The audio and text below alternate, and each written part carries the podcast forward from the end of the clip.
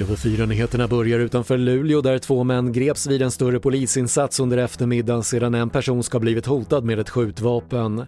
Polisen är förtegen om händelsen men uppger att ingen person skadades. En intensiv polisjakt pågår i skogarna i sydvästra Tyskland efter en 31-årig man som övermannade fyra poliser och tog deras tjänstevapen igår. Enligt uppgifterna är mannen känd av polisen sedan tidigare och mer om det här kan du se på TV4 Play. Och flera av Europas största floder har förorenats med munskydd och plasthandskar som används för att skydda mot coronaviruset enligt forskningsorganisationen Tara Ocean Foundation. Man hittade regelbundet handskar och munskydd när man undersökte floderna i juni.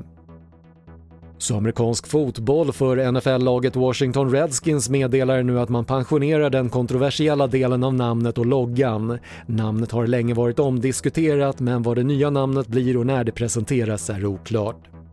Det var det senaste från TV4 Nyheterna. Jag heter Patrik Lindström.